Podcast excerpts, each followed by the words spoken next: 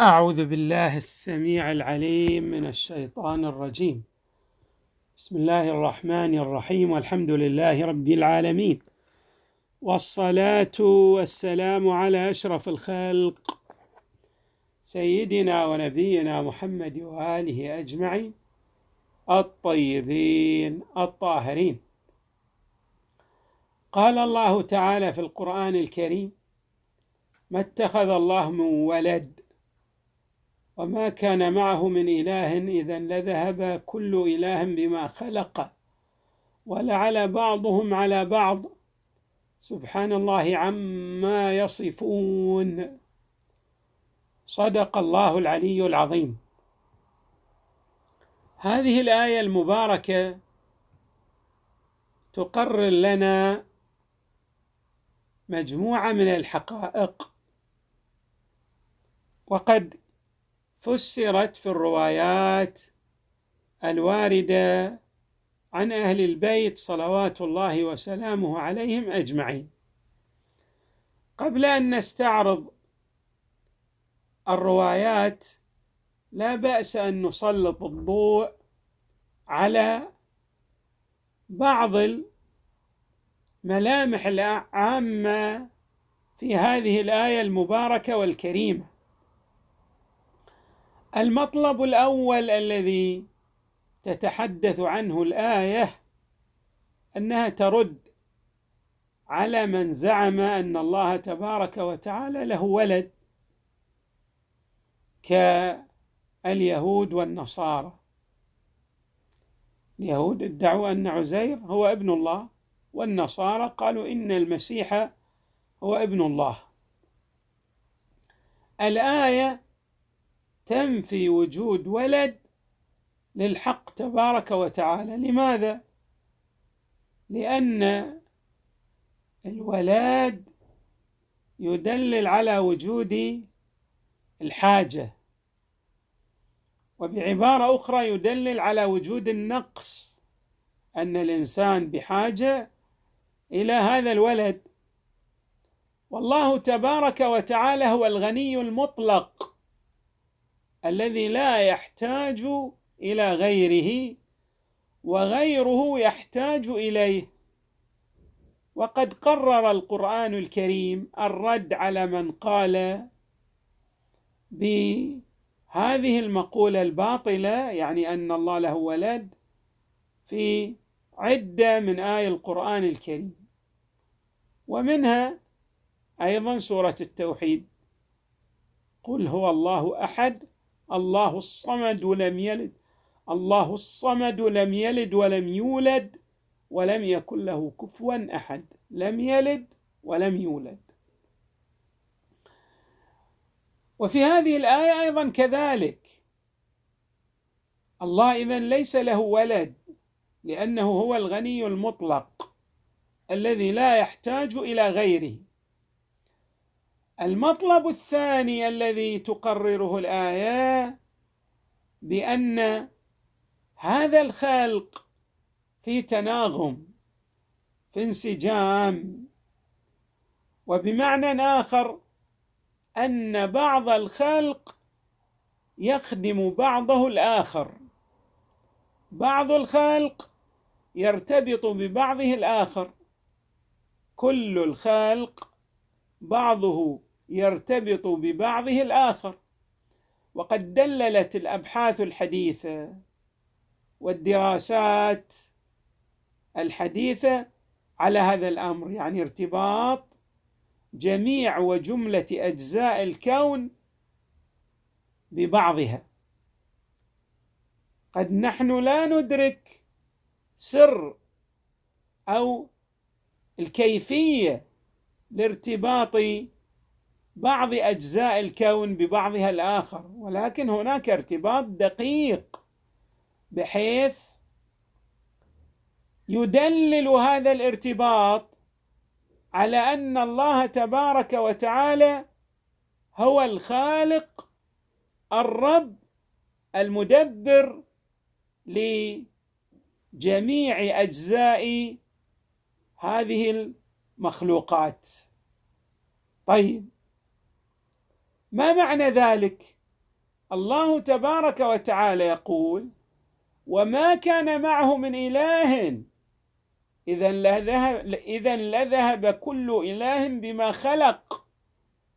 لو كان هناك إله غير الله أو آلهة متعددة لكان كل إله له جزء من الخلق. فلن يرتبط بعض الخلق ببعضه الآخر.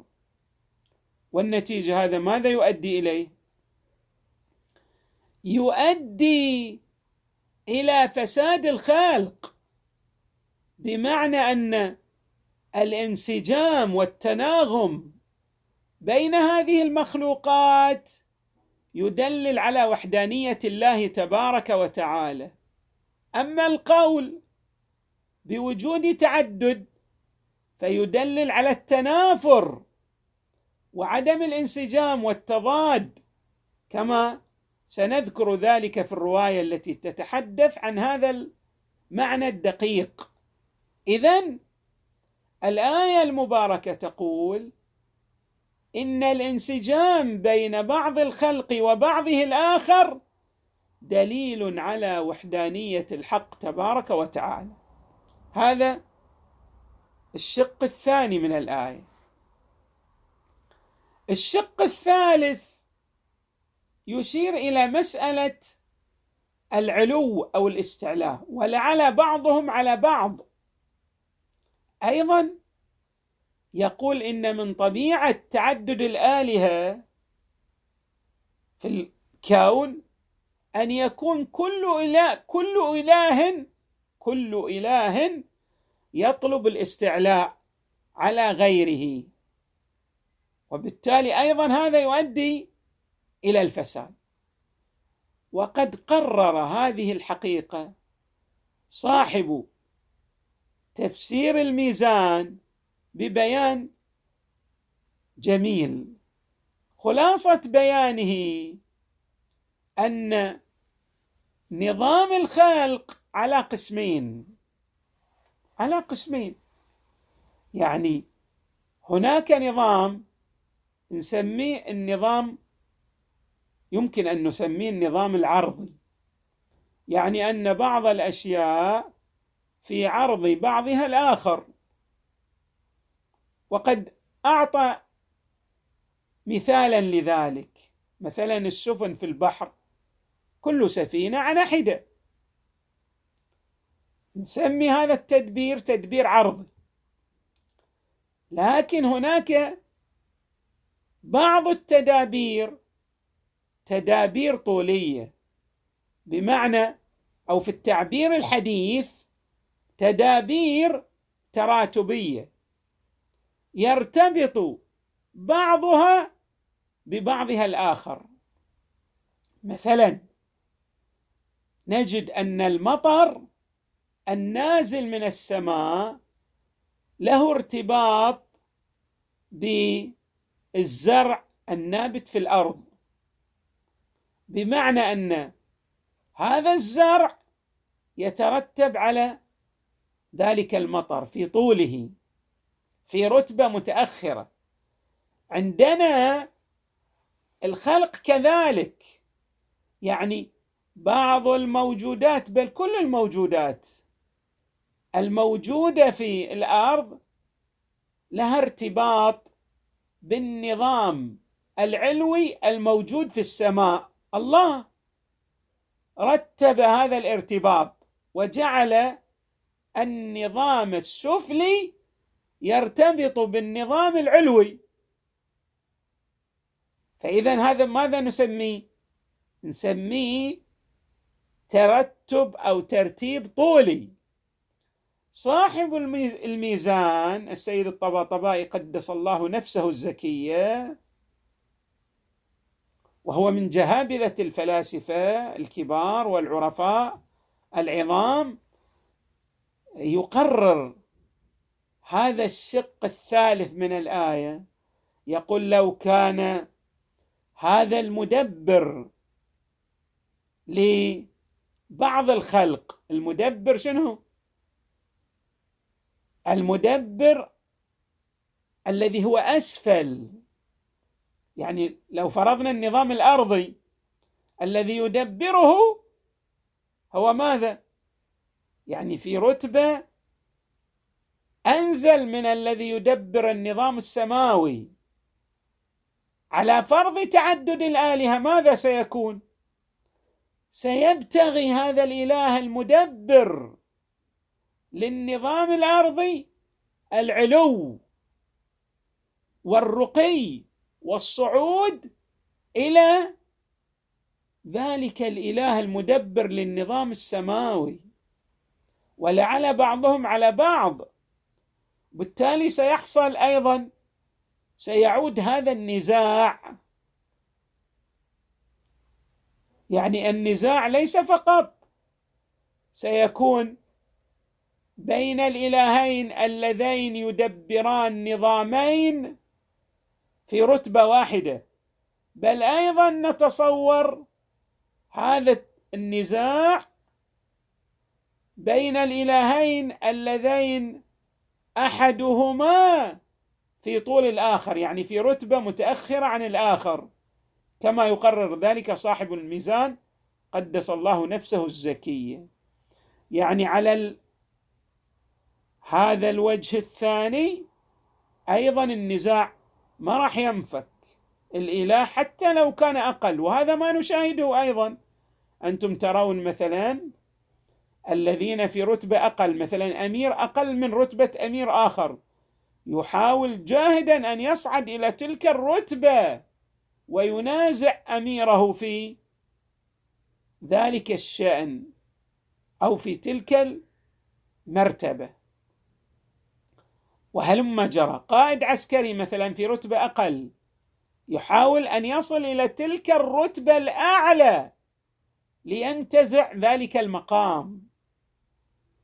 الحال هذا أيضا ينطبق على تعدد الآلهة وبالتالي هذا يدلل على لو كان كذلك ماذا؟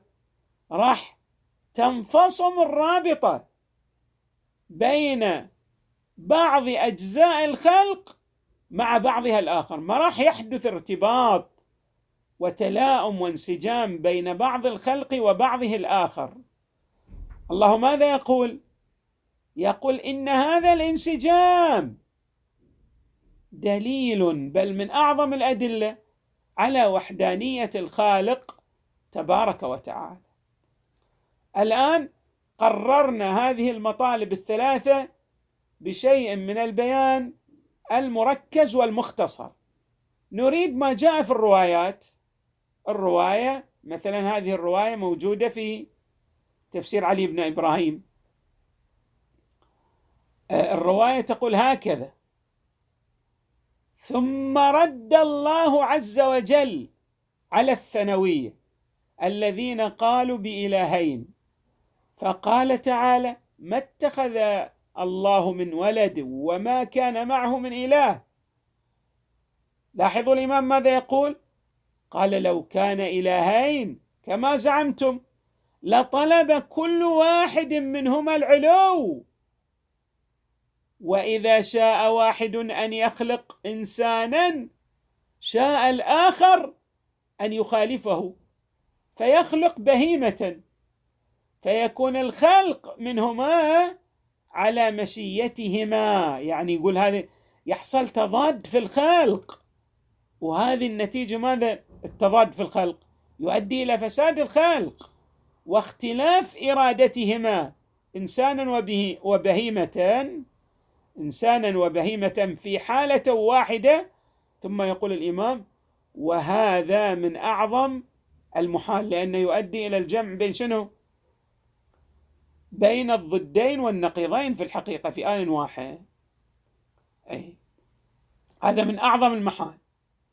ثم يقول الإمام عليه السلام وإذا بطل هذا ولم يكن بينهما اختلاف بطلت الاثنينية.